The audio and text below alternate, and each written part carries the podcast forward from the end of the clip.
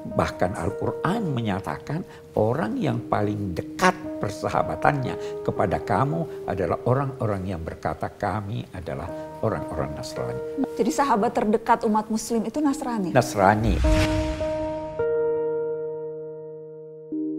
Ini ada pertanyaan dari Renal Indrajaya. Pak Kure Shihab dan Najwa Shihab yang kami sayangi, serta yang dikasihi Tuhan Romo Budi, mau tanya, mengapa uh, kerap kali ada yang berteriak kafir kepada penganut agama selain Islam? Sedangkan menurut pengertian kami jika kafir itu adalah orang murtad yang tidak punya agama dan tidak mengenal Allah. Sedangkan kita mempunyai Allah, beragama sama-sama hidup di Indonesia, yang salah agamanya, apa salah kita dilahirkan menjadi selain Islam? Ya, yang pertama dulu eh, kafir mempunyai banyak makna. Itu satu. Eh, sehingga harus disesuaikan dengan eh, eh, substansi yang melekat pada seseorang sehingga dia dinamai kafir atau tidak. Nah, eh, dalam konteks eh, keberagamaan, eh, umat Kristen dan Yahudi, Al-Quran tidak menamai mereka kafir, menamai mereka ahlul kitab. Ya ahlal kitab. Nah, itu satu. Yang artinya orang-orang yang... Wahai orang-orang yang memiliki kitab. Hmm. Mereka diakui memiliki kitab suci karena eh, Musa, Nabi Musa dan Nabi Isa mendapat kitab suci dari Tuhan. Itu itu yang ditonjolkan. Nah, bahwa kafir bisa bermacam-macam. Seperti tadi, eh, bisa saja seorang muslim dia dinamai kafir dalam pengertian kikir. Hmm. Ya, itu eh, eh, Nabi Sulaiman berkata, saya dianugerahi Tuhan begini banyak eh, kekayaan untuk menguji saya. Apakah saya bersyukur atau saya kufur? Hmm. Ya kan? Hmm. Nah, jadi kafir bisa bermacam-macam maknanya. Nah, eh, hanya itu tadi kita katakan dalam konteks hubungan antar pemeluk agama, kita hendaknya memilih kata-kata yang tidak menjadikan hubungan itu menjadi retak. Hmm. Nah, itu sebabnya Al-Quran menamai Alul Kitab. Hmm. Itu nama yang di ini. Ah, eh, apalagi pada masa turunnya Al-Quran, hubungan yang akrab antara umat Islam dengan eh, Ahlul Kitab, khususnya orang-orang Nasrani itu sangat akrab. Hmm. Sewaktu eh, eh, Romawi berperang dengan Persia, umat Islam memihak pada Romawi karena dia mengakui adanya Tuhan, hmm. sedangkan Persia menyembah api. Hmm. Ketika kaum muslimin tertindas di Mekah, Nabi menganjurkan untuk pergi ke Habasyah Ethiopia karena di sana ada penguasa Nasrani yang adil hmm. dan eh, eh, sangat toleran terhadap eh, eh, agama-agama lain termasuk Islam. Bahkan Al-Quran menyatakan orang yang paling dekat persahabatannya kepada kamu adalah orang-orang yang berkata kami adalah orang-orang Nasrani. Hmm. Ya, itu itu itu yang dijelaskan oleh agama. Jadi sahabat terdekat umat Muslim itu Nasrani. Nasrani. Ah, walaupun kita harus berkata perkembangan masyarakat itu bisa berubah dari saat ke saat hmm. eh, akibat aneka pengaruh. Bisa jadi ada eh, di masa penjajahan itu karena terlihat bahwa ini oh ini agama Kristen nih hmm. atau sebelum itu perang salib untuk diketahui ulama-ulama Islam eh, eh, cendekiawan Muslim tidak ingin menyatakan penyerangan orang-orang dari barat ke timur itu mereka tidak namai itu perang salib karena salib tidak merestui itu. Yeah. Jadi itu bukan perang salib, hmm. itu politik. Nah hmm. ini yang menjadikan biasa terjadi kesalahpahaman. Dan sekarang pun kerap kali karena isu itu bercampur dengan isu politik, itu yang membuat seolah-olah so, kita dipertentangkan atau dihadapkan satu sama lain, muslim dan non-muslim. Ya. Romo juga melihat seperti itu? Itu yang bukannya kita lihat, kita rasakan pengaruh politik kekuasaan itu membuat orang dengan mudah menyatakan pihak yang berbeda, eh, pandangan politik lalu kafir. Bukan kalau agama yang disampaikan Abi tadi sangat tepat dan begitulah juga gereja Katolik memahami. Maka gereja Katolik mengatakan gereja Katolik tidak menolak apa pun yang baik, yang benar dan suci yang ada dalam semua agama dan kebudayaan. Ya apalagi saya kira akhir-akhir ini sejak konsili terakhir ini kan Betul, ya. itu sudah diakui bahwa Islam itu membawa ajaran-ajaran yang benar. alamin. Jadi ada upaya pendekatan. Yang terlihat sekarang justru ya ter- politik atau kepentingan apa pun itu yang justru menjauhkan bukan mendekatkan.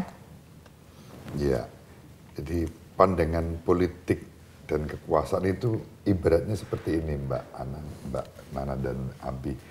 Kita tuh seperti melihat lautan. gitu. Lautan itu kalau kita terima dengan konteks utuh, laut dengan segala macam keberagamannya. Tapi sering kali kita tergoda melihat, oh di tepi pantai banyak buih dan debur ombak. Seakan-akan lautan hanyalah buih dan ombak. Padahal ada ikan dengan segala macam keberagamannya. Ada Mutiara. rumput, ada mutiara. Nah politik ini kadang-kadang begitu dominan seakan menjadikan seluruh keindahan itu menjadi rusak gara-gara politik. Padahal ini hanya bagian dari tepi kehidupan kita bersama yang indah. Tanpa keindahan itu nggak mungkin saya ada di sini di Apin. Iya. Dua syihab yang penuh berkah ini. Amin, amin. Romo, Justru ini nyata. Uh, gitu. itu itu saya membayangkan itu menyakitkan ya ketika ada sekelompok orang yang menuding kafir berkata kafir itu kepada saudara-saudara saya yang beragama Iya. Nasrani itu menyakitkan Romo. Bagi orang tertentu yang mungkin imannya masih kekanak-kanakan sakit hati.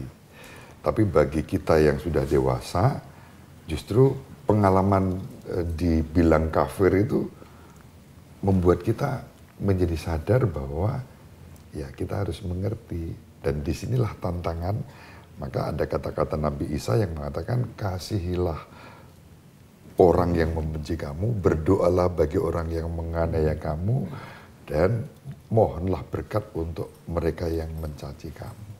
Nah, ketika kita mendengar kata-kata itu bagi orang yang sudah dewasa, ah, ini kesempatan bagi saya untuk menghayati eh, firman itu dengan baik tanpa harus dengan disertai kebencian, apalagi ingin membalas.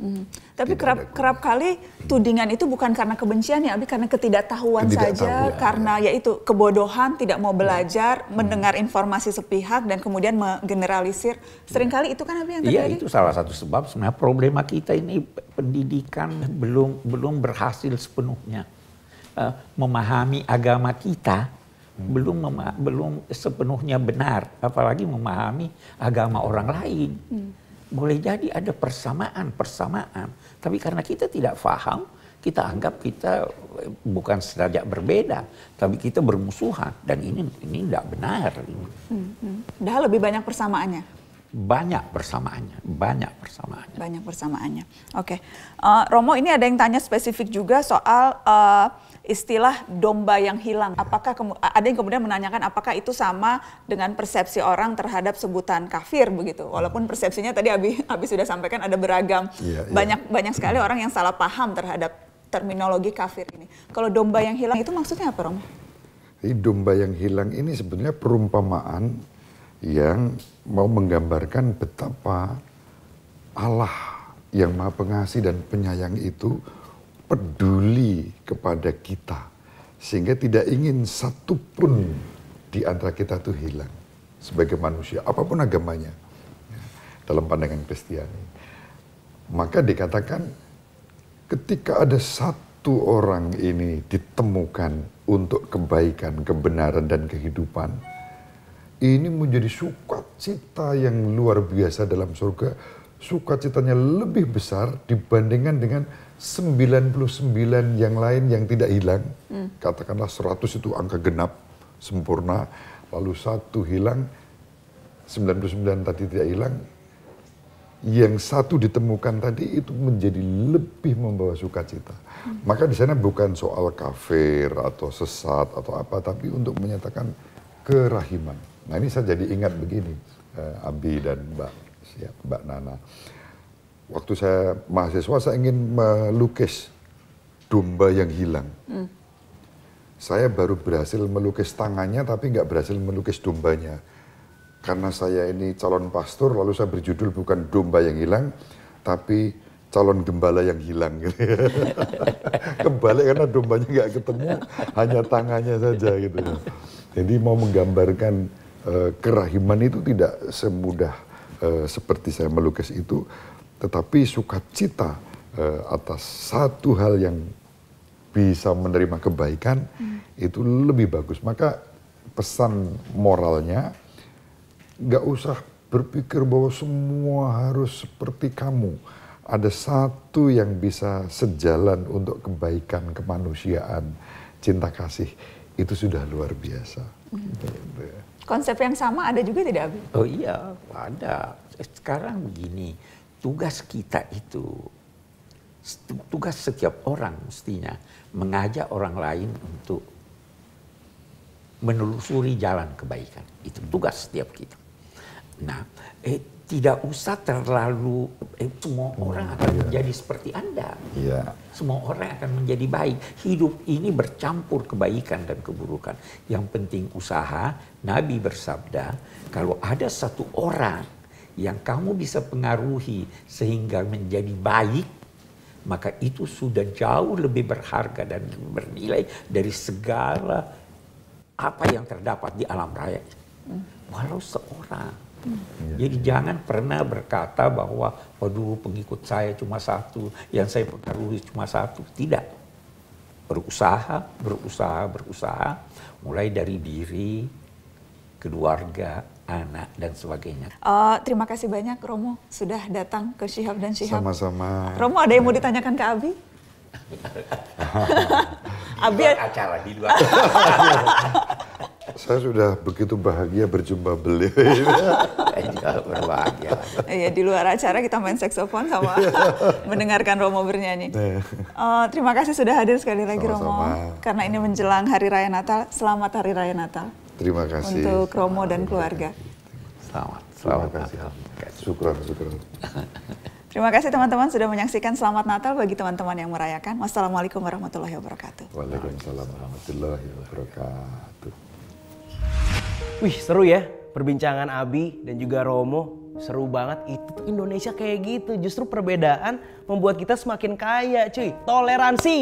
Yo. Bineka Tunggal Ika berbeda tapi tetap satu Kayak dua bujang. Ini pasti menginspirasi kita selalu menjaga silaturahmi dan juga toleransi. Bener nggak bro Es? Dan ini spesial juga buat teman-teman yang tadi belum sempet jawab. Tenang, kita masih punya satu juta rupiah dipotong pajak persembahan dari Kopi Kapal Api. Oh ya? Pertanyaannya langsung aja bro Eds. Boleh, pertanyaan itu adalah apa tema yang dibahas siap and siap kali ini? A. Toleransi. B. Apresiasi. Aduh gampang banget. Langsung aja ya dijawab di Facebook kamu. Dan kalau misalnya udah ngepost jawabannya jangan lupa di tag di akun Facebook fanpage-nya Najwa Shihab dan juga Kopi Kapal Api. Biar semangat ngopi dulu. Ayo bareng-bareng kita jaga silaturahminya dan juga terus bertoleransi Buat kamu yang pengen silaturahmi barengan sama kita berdua, Gimana? kita ada nih di Narazi Dua Bujang Show setiap hari Jumat menemani kamu yang sendiri. Uh, jangan lupa untuk watch and subscribe Nara Strip Z. Oke, okay, tekuni. Resapi. Asyik.